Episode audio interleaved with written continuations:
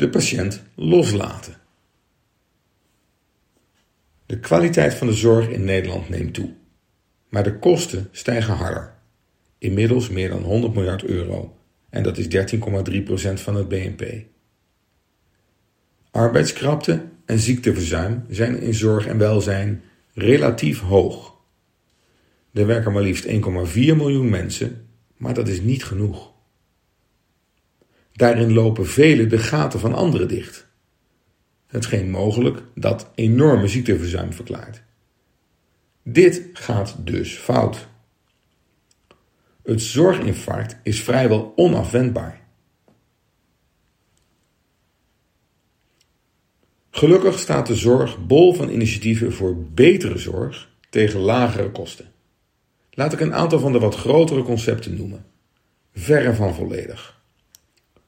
Gedeelde zorg, passende zorg, samen beslissen, regiozorg, de juiste zorg op de juiste plaats, ketenzorg, circulaire zorg, duurzame zorg, value-based healthcare, enzovoort. En er zijn vele honderden kleine initiatieven. Allemaal goed bedoeld, maar allemaal wel erg gefragmenteerd. Opschalen blijkt lastig. Er is veel not invented here en, dient ten gevolge, vinden velen het eigen wiel uit. De meeste verbeteringen zijn inhoudelijk niet echt ingewikkeld, maar we krijgen ze niet verbonden. Er zijn veel eilanden en silo's in de zorgketen. Waarom werkt de zorg niet samen? Dat komt door de vele mijn-dijn-discussies. Mijn of dijn data. Mijn of dijn budget. Mijn of dijn systeem. En daarachter schuil gaat mijn of dijn patiënt. We noemen de patiënt centraal, maar we bedoelen mijn patiënt. In de eigen silo. Verantwoordelijkheid voor de patiënt, de eed van Hippocrates, heeft de verkokering in de zorg geïnstitutionaliseerd.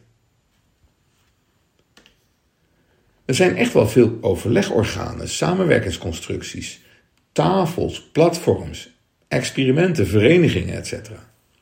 Allemaal plaatsen waar wordt getracht uit te gaan van onze patiënt in plaats van mijn patiënt.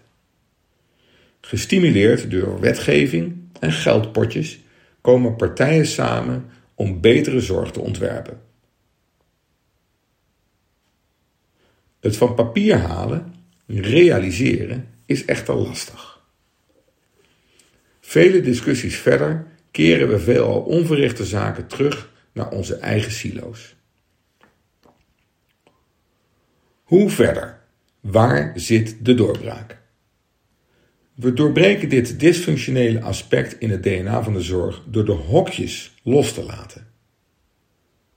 Een zorginfarct is alleen afwendbaar als we echt gaan verbinden en pas stoppen als de samenwerking af is. Daarvoor moeten we transparant zijn met data en geldstromen. Daarvoor moeten we gegevensuitwisseling gemakkelijk maken. De politiek is gelukkig dicht bij een besluit. Daarvoor moeten we één verhaal hebben voor onze patiënt, centraal in de hele keten. Die zorgketen serieus nemen, van preventie tot palliatieve zorg. Daarvoor moeten we met nieuwe technologie en digitalisering meer zelfhulp realiseren en eenvoudige zorg en monitoring afvangen. Maar daarvoor hebben we vooral bestuurders en medici nodig die iets durven kwijt te raken. We moeten, paradoxaal genoeg, de patiënt loslaten. Of, iets preciezer, het hokje dat we om onze patiënt zetten, loslaten. Verantwoordelijkheid voor de patiënt nemen, dat doen we samen. Vertrouwen in elkaar, dat helpt. De regio is voor deze samenwerking precies het goede aangrijpingspunt. Landelijke coördinatie is te hoog over en lokaal kan geen schaal worden bereikt om alle zorg kwalitatief hoogwaardig en efficiënt te realiseren. Ketenintegratie in de regio. Kom met alle partijen aan tafel zonder een weg terug. Ben bereid in te leveren voor het grotere geheel. We kunnen de nieuwe zorg pas vastpakken als we de oude zorg loslaten. Laat in de zorgketen dus de patiënt los, ten bate van alle patiënten.